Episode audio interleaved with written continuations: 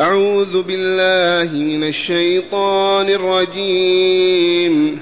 إن الذين آمنوا وعملوا الصالحات كانت لهم جنات الفردوس نزلا خالدين فيها لا يبغون عنها حولا. قل لو كان البحر مدادا لكلمات ربي لنفد البحر لنفد البحر قبل أن تنفد كلمات ربي ولو جئنا بمثله مددا. قل إنما أنا بشر مثلكم يوحى إلي. يوحى إلي أنما إلهكم إله واحد فمن كان يرجو لقاء ربه فليعمل عملا صالحا فليعمل عملا صالحا ولا يشرك بعبادة ربه. أحدا. أحسنت. معاشر المستمعين والمستمعات من المؤمنين والمؤمنات. لما ذكر تعالى جزاء الكافرين الذين كفروا بالله واتخذوا آياته ورسله هزؤا وهو جهنم والعياذ بالله تعالى ذكر هنا جزاء المؤمنين. المتقين. والقرآن ترغيب وترهيب دي سنته. يرهب من عذاب الله ويرغب في نعيم الله. فالراهبون يخافون ربهم فلا يعصونه وبذلك يسعدون ويكملون. وغير الراهبين المتعنترين ومتصممين والمعاندين مصيرهم جهنم وبئس المصير. فقول ربنا جل ذكره في هذا الخبر العظيم إن الذين آمنوا وعملوا الصالحات كانت لهم جنات الفردوس نزلا. خبر عظيم هذا ولا لا؟ من المخبر؟ الله عز وجل. إن الذين آمنوا وعملوا الصالحات ما لهم أخبرنا عنهم. قال كانت لهم جنات الفردوس نزلا. معشر المؤمنين والمؤمنات الإيمان والعمل الصالح دائما شرط في دخول الجنة وتتبع القرآن بكامله. إن الذين آمنوا وعملوا الصالحات لهم جنات كذا في آيات عديدة. وعرفتم أنتم السر وأصبحتم عارفين وهو أن الإيمان والعمل الصالح يزكيان النفس البشرية يطيبانها يطهرانها فتصبح كأرواح الملائكة. هؤلاء يسكنون أين؟ في الجنة. وأهل الكفر والشرك والمعاصي نفوسهم خبيثة عافنة منتنة أين يسكنون؟ مع والعياذ بالله مع الشياطين في الجحيم. فالإيمان والعمل الصالح أداة تزكية وتطهير. وهنا لا بد من تحقيق الإيمان ولا بد من العمل الصالح الذي شرعه الله لتزكية النفوس. ولا بد من فعله كما بين رسول الله بلا زيادة ولا نقصان. حتى يثمر هذه الثمرة فيزكي النفس البشرية ويطهرها. واذكروا قد أفلح من زكاها. أما نسب التزكية إلينا؟ قد أفلح من زكى نفسه وقد خاب من دساها. كيف نزكي أنفسنا يا ربنا؟ آمنوا واعملوا الصالحات تزكو نفوسكم. كيف تتدس نفوسنا؟ اكفروا وافعلوا المجرمات والسيئات تتدس نفوسكم. هذه سنة الله لا تتبدل.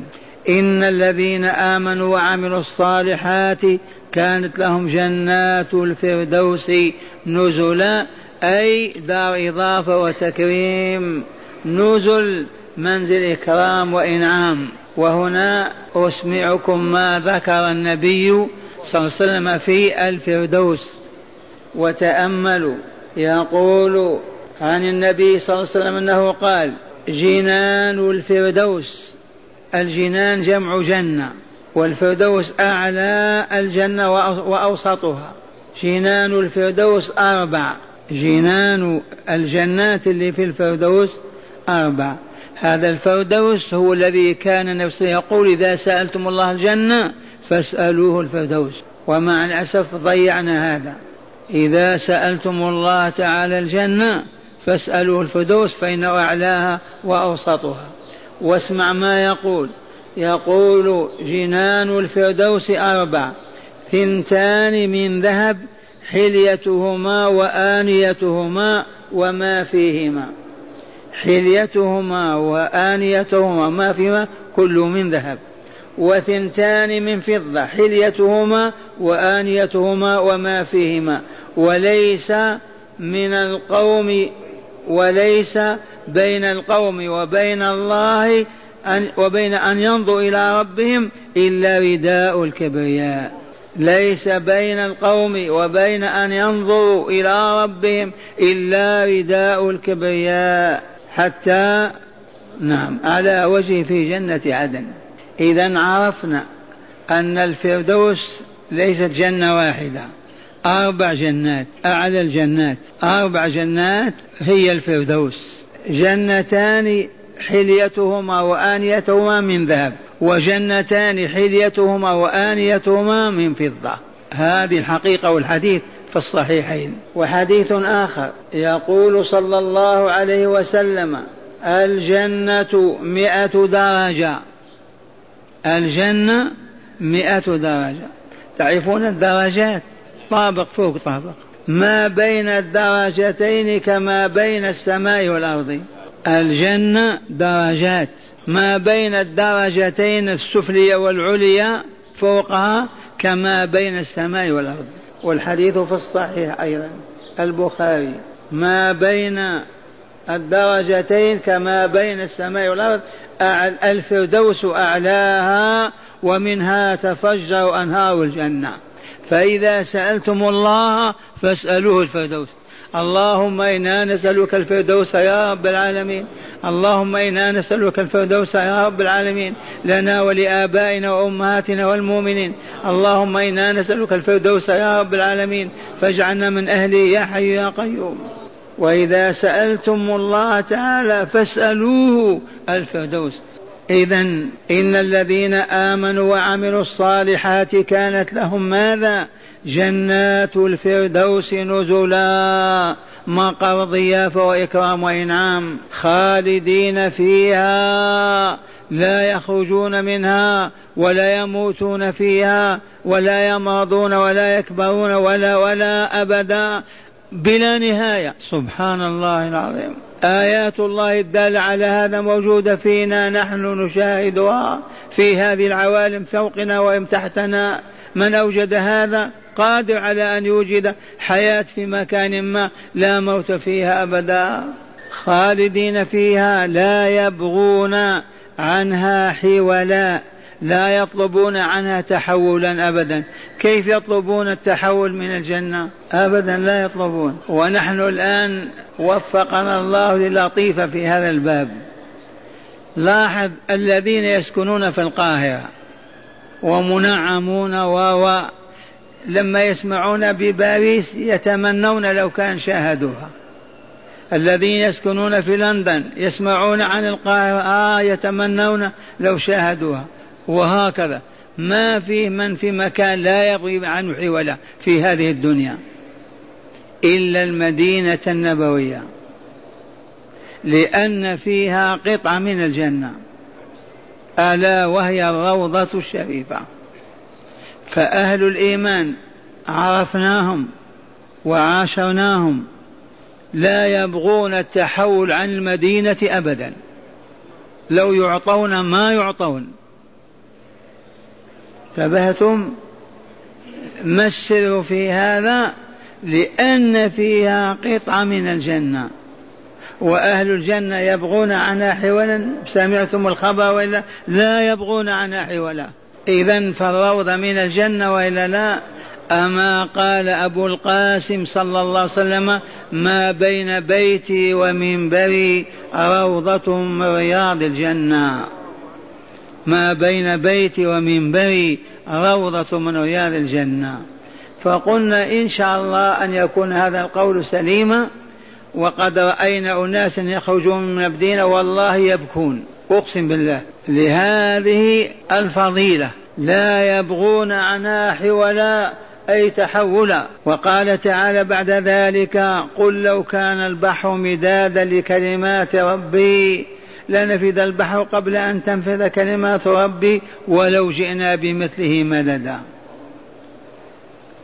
هذه الآية نزلت لما طالب المشركون بالآيات الثلاث أو بالمسائل الثلاث وبلغ اليهود أن الرسول أجاب عنها وقال يسألونك عن الروح قل الروح من أمر ربي وما أوتيت من العلم إلا قليلا. قالوا كيف ما أوتينا من العلم إلا قليلا؟ ونحن نحمل التوراة. وتبجحوا. كيف ما أوتينا من إلا قليلا؟ فقال تعالى قل لرسوله صلى الله عليه وسلم وقل لهم لو كان البحر مدادا حبر لكتابة كلمات ربي لنفذ البحر قبل أن تنفذ. فأين علمكم في التوراة أو في الإنجيل أو في غيرهما؟ قل لو كان البحر مدادا لكلمات ربي لا نفيد البحر قبل أن تنفذ كلمات ربي ولو جئنا أيضا بمثله مددا. ولو قطعنا أشجار العالم كلها وصيرناها أقلاما وكتبنا ما انتهت كلمات الله. فكيف إذا والله ما أوتيت من العلم إلا قليلا. فرد هذا على اليهود.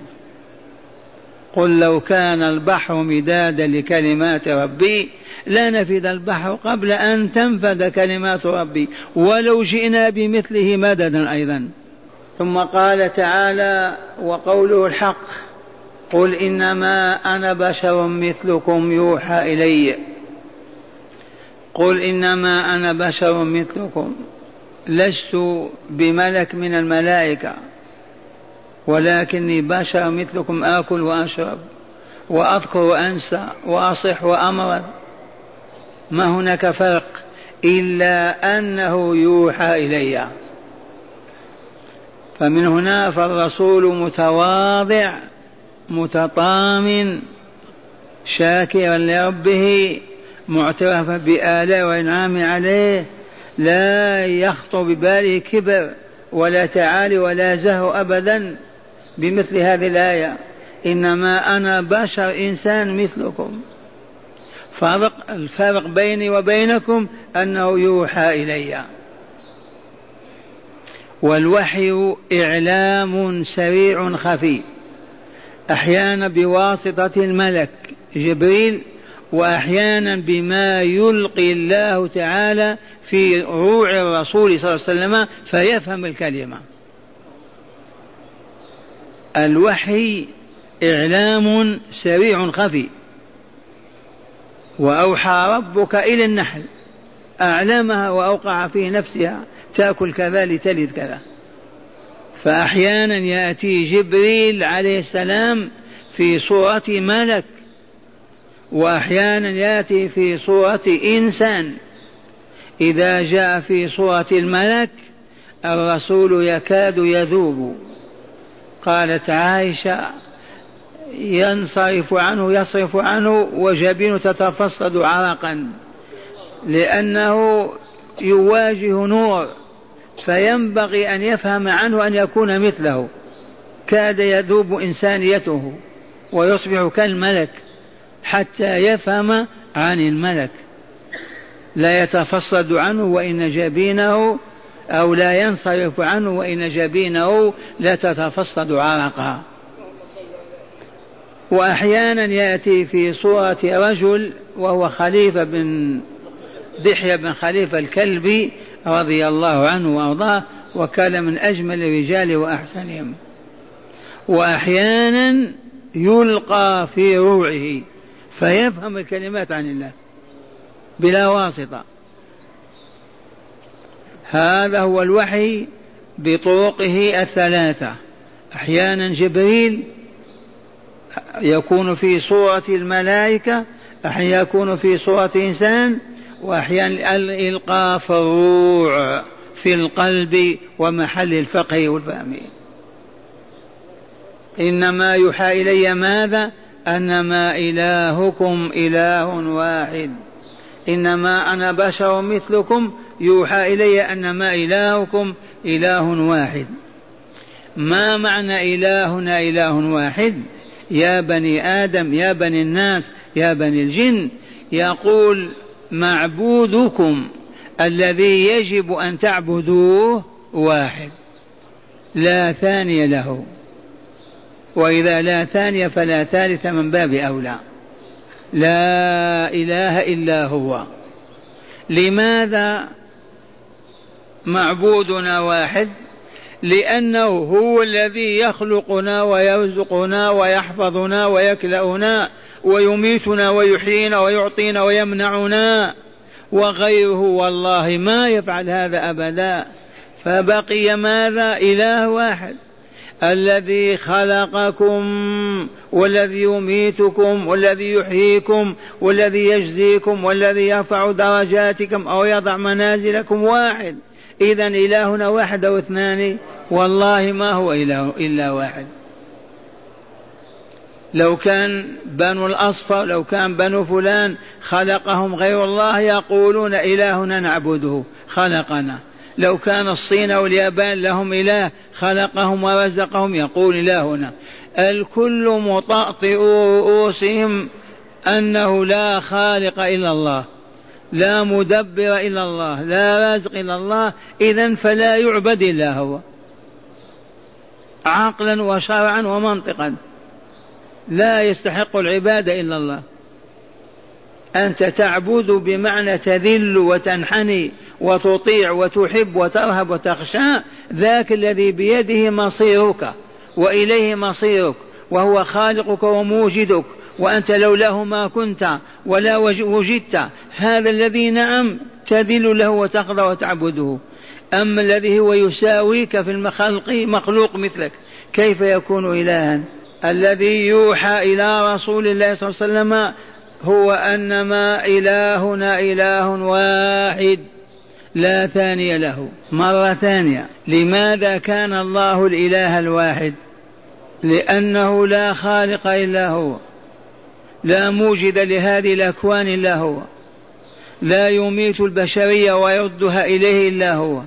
فمن أين يأتي إله آخر؟ بأي وجه؟ بأي حق؟ فحقا والله لا إله إلا هو. هذا الخبر عظيم. إنما إلهكم إله واحد لا ثاني له. فبطلت المسيحية والصليبية بالمرة وانتهت أنواع الشرك والوثنية. والذين يعبدون الشهوات والفروج والمادة حيوانات لا عقول لهم ما هم بشر. فالمعبود الحق الذي خلقني ورزقني وبيده مصيري. إن شاء الآن قبض روحي وإن شاء تركها. هذا الذي أؤله فأذل له وأخضع بين يديه وأركع وأسجد وأدعوه وأسأله. أما الذي لا قدرة له علي ولا يملك شيئا من أمري كيف أعبده؟ وظللت الشياطين البشرية فأله الأصنام والأحجار وصنعوا التماثيل وعبدوا وعبدوا وعبدوا وكل ذلك كفر بالله وجحود له وعدم اعتراف برب العالمين والعياذ بالله. إذا فمن كان يرجو لقاء ربه يا أيها المؤمنون فمن كان يرجو يرجو لقاء رب ربه أي أنه سيموت ويلتحق بربه ويقف بين يديه ماذا نصنع له ننصح له؟ فليعمل عملا صالحا. وهذه الحقيقة. المؤمنون الصادقون في إيمانهم هم الذين يعبدون الله الليل والنهار. والله ما يستطيعون أن يتركوا عبادته. وإذا ألزموا بتركها في السجن وإلا في الحبل وإلا في الرباط والله يعدون ذلك أشقى حال. لأنهم همهم أن يعبدوا ربهم. إذا فمن كان يرجو حقيقة أنه سيقف بين يدي الله ويسأله ويجزيه على عمله في الدنيا إذا فليعمل عملا صالحا. ما هو العمل الصالح؟ يا أبناء الإسلام لا بد من العلم. ما نعرف العمل الصالح إلا بالكتاب والسنة. في القرآن الكريم والسنة النبوية بيان الأعمال الصالحة. من الوضوء إلى الصلاة إلى الصيام إلى الجهاد إلى الرباط إلى صلة الأرحام إلى الأمر بالمعروف إلى النهي عن المنكر إلى ذكر الله إلى فعل الخيرات. ذي كلها أعمال صالحة ما تعرف إلا من طريق قال الله قال رسوله صلى الله عليه وسلم. والأعمال الصالحة كما عرفتم ما تنتج إلا إذا أديت على الوجه المطلوب. فإن أديت على وجه غير مطلوب ما تنفع أبدا. قوم صل الآن إلى الصبح وأنت تركع وتسجد بدون ما تعرف الركوع والسجود تثاب على ركوعك وسجودك؟ ما تثاب. لا بد من معرفة العمل الصالح. عبادات شرعها الله في كتابه وألزم رسوله بيانها فبينها وفعلها للناس وفهموها تلك هي الأعمال الصالحة. إذا يقول تعالى فمن كان منكم يا بني الناس يرجو الله فليعمل عملا صالحا ولا يشرك بعبادة ربه أحدا. هذه الآية أيضا لها سبب في نزولها. قام صحابي قال روي في سبب نزول هذه الآية ما يلي أتى جندب ابن زهير الغامدي. أتى من؟ أتى رسول الله صلى الله عليه وسلم. فقال يا رسول الله إني أعمل لله إني أعمل لله تعالى فإذا أطلع علي سرني ذلك العمل. إني أعمل لله صلاة أو صيام أو صدقة أو رباط أو جهاد. فإذا طلع طلع علي وعرفوني أن نعمل هذا العمل فرحت بذلك. فقال رسول الله صلى الله عليه وسلم إن الله طيب لا يقبل إلا طيبا ولا يقبل إلا ما إلا ما ولا يقبل ما رؤي فيه. فنزلت هذه الآية فمن كان يرجو لقاء ربه فليعمل عملا صالحا ولا يشرك بعبادة ربه أحدا. أعيد انتبهوا. ماذا يقول جندب؟ يقول أتيت النبي صلى الله عليه وسلم فقلت يا رسول الله إني أعمل لله صلاة أو صدقة أو صيام أو جهاد عبادة. لله ما أريد إلا وجهه. فهمتم هذه؟ فإذا طلع علي وعرفوني أنني فعلت سمعت بهذا فرحت. سرني ذلك. عرفتم هذه؟ من يستطيع أن ينجو من هذه الفتنة؟ قال أعمل العمل. أريد به وجه الله. فإذا سمع بي الناس فعلته وتحدثوا عني فرحت. سرني ذلك. فبما أجابه الرسول الكريم قال فقال الرسول صلى الله عليه وسلم إن الله طيب لا يقبل إلا لا يقبل إلا طيبا ولا يقبل ما رؤي فيه ما تراءى فيه للناس. أي من الرياء ونزلت هذه الآية فمن كان يرجو لقاء ربه فليعمل عملا صالحا ولا يشرك بعبادة ربه أحدا. تأملوها فبعض الناس يصلي فإذا شاهد من يشاهده يحسن صلاته. يقرأ فإذا رأى من يسمع يحسن قراءته. يتصدق فإذا رأى من يراه استعجل الصدقة وهو يريد وجه الله. ولكن مع ذلك يرائي غير الله عز وجل. هذه من من أصعب ما يكون. فلهذا كان الصالحون يحزنون ويكربون إذا اطلع على عبادتهم. ما يريدون أن يعرف الناس عنهم. إذا تصدق بصدقة واطلع عليها وسمع يكره ذلك ويتألم كيف اطلعوا على ذلك؟ ليكون العمل خالصا لوجه الله فيزكي النفس ويطهرها. يقول هنا لطيفة شكاها أبو بكر الصديق إلى رسول الله صلى الله عليه وسلم. فعلمه هذا الدعاء. احفظوه. اللهم إني أعوذ بك. اللهم إني أعوذ بك أن أشرك بك وأن وأستغفر وأنت شيء المحذوف أيضا. اللهم إني أعوذ بك وأنا أشرك. اللهم إني أعيذ بك. اللهم إني أعوذ بك أن أشرك بك وأنا أعلم. وأستغفرك لما لا أعلم. اللهم إني أعوذ بك أن أشرك بك وأنا أعلم. وأستغفرك لما لا أعلم. شيئا في لفظ موجود اللفظ ما موجود اللهم إني أعوذ بك أن أشرك بك وأنا أعلم وأستغفرك لما لا أعلم لعمل عملته وأنا لا أعلم وأن وأني أردت به غيرك. اللهم إني أشرك بك اللهم إني أعوذ بك أن أشرك بك وأنا أعلم. وأستغفرك لما لا أعلم. اللهم إني أعوذ بك أن أشرك بك وأنا أعلم وأستغفرك لما لا أعلم. أعيدها. اللهم إني أعوذ بك أن أشرك بك وأنا أعلم وأستغفرك لما لا أعلم. ليبعد, ليبعد عن نفسه الرياء والعياذ بالله. اللهم إني أشرك بك وأنا أعلم. اللهم إني أعوذ بك أن أشرك بك وأنا أعلم. وأستغفرك لما لا أعلم. اللهم إني أعوذ بك أن أشرك بك وأنا أعلم. وأستغفرك لما لا أعلم. ولهذا ورد في السنة الصحيحة الرياء من الشرك. الرياء من الشرك والرياء هي مراءاة العمل الصالح للناس ليحمدوا ليحمدوا أو يثنوا بالخير على فاعله.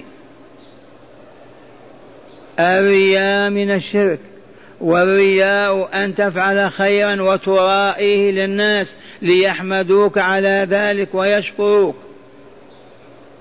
فلهذا كان الرجل الذي يدخل الجنة من السبعة ينفق النفق ولا تدري شماله ما أنفقت يمينه. للإخفاء والسترة. ما يطلع حد اقرأ الماء بسم الله والحمد لله. من هداية الآيات أولا تقرير عقيدة البعث والجزاء. أولا تقرير عقيدة البعث والجزاء. الآية الأولى قررت البعث الآخر والجزاء على الكسب في هذه الدنيا. نعم. ثانيا بيان أفضل الجنان وهو الفردوس الأعلى. بيان أفضل الجنان وهو الفردوس الأعلى. الفردوس كم جنة فيه؟ أربع جنان. جنتان من ذهب وجنتان من فضة.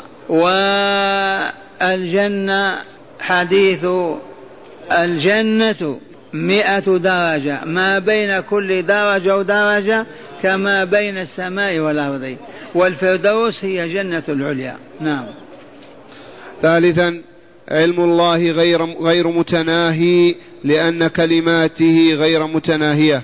علم الله لا ينتهي أبدا لأن كلماته لا تنتهي فلا ينتهي علمه. وعلم البشر ينتهي ومحدود. نعم. رابعا تقرير صفة الكلام لله تعالى. تقرير صفة الكلام. الكلام لله تعالى. الله متكلم كلام الله. نعم. آه، خامسا. كيف يكلم رسله ويكلمنا يوم القيامة في عرصات القيامة؟ نعم. خامسا تقرير بشري بشرية النبي صلى الله عليه وسلم. تقرير بشرية النبي صلى الله عليه وسلم ما في خلاف أبدا في أن محمدا بشر ما هو من الملائكة أبدا. نعم. تقرير بشرية النبي صلى الله عليه وسلم وأنه ليس روحا ولا نورا فحسب كما يقول الغلاة كما الباطنية. يقول غلاة المتصوفة محمد نور. الله يقول بشر وهم يقولون نور. ويقولون أيضا روح روح بلا جسد. تبهتم؟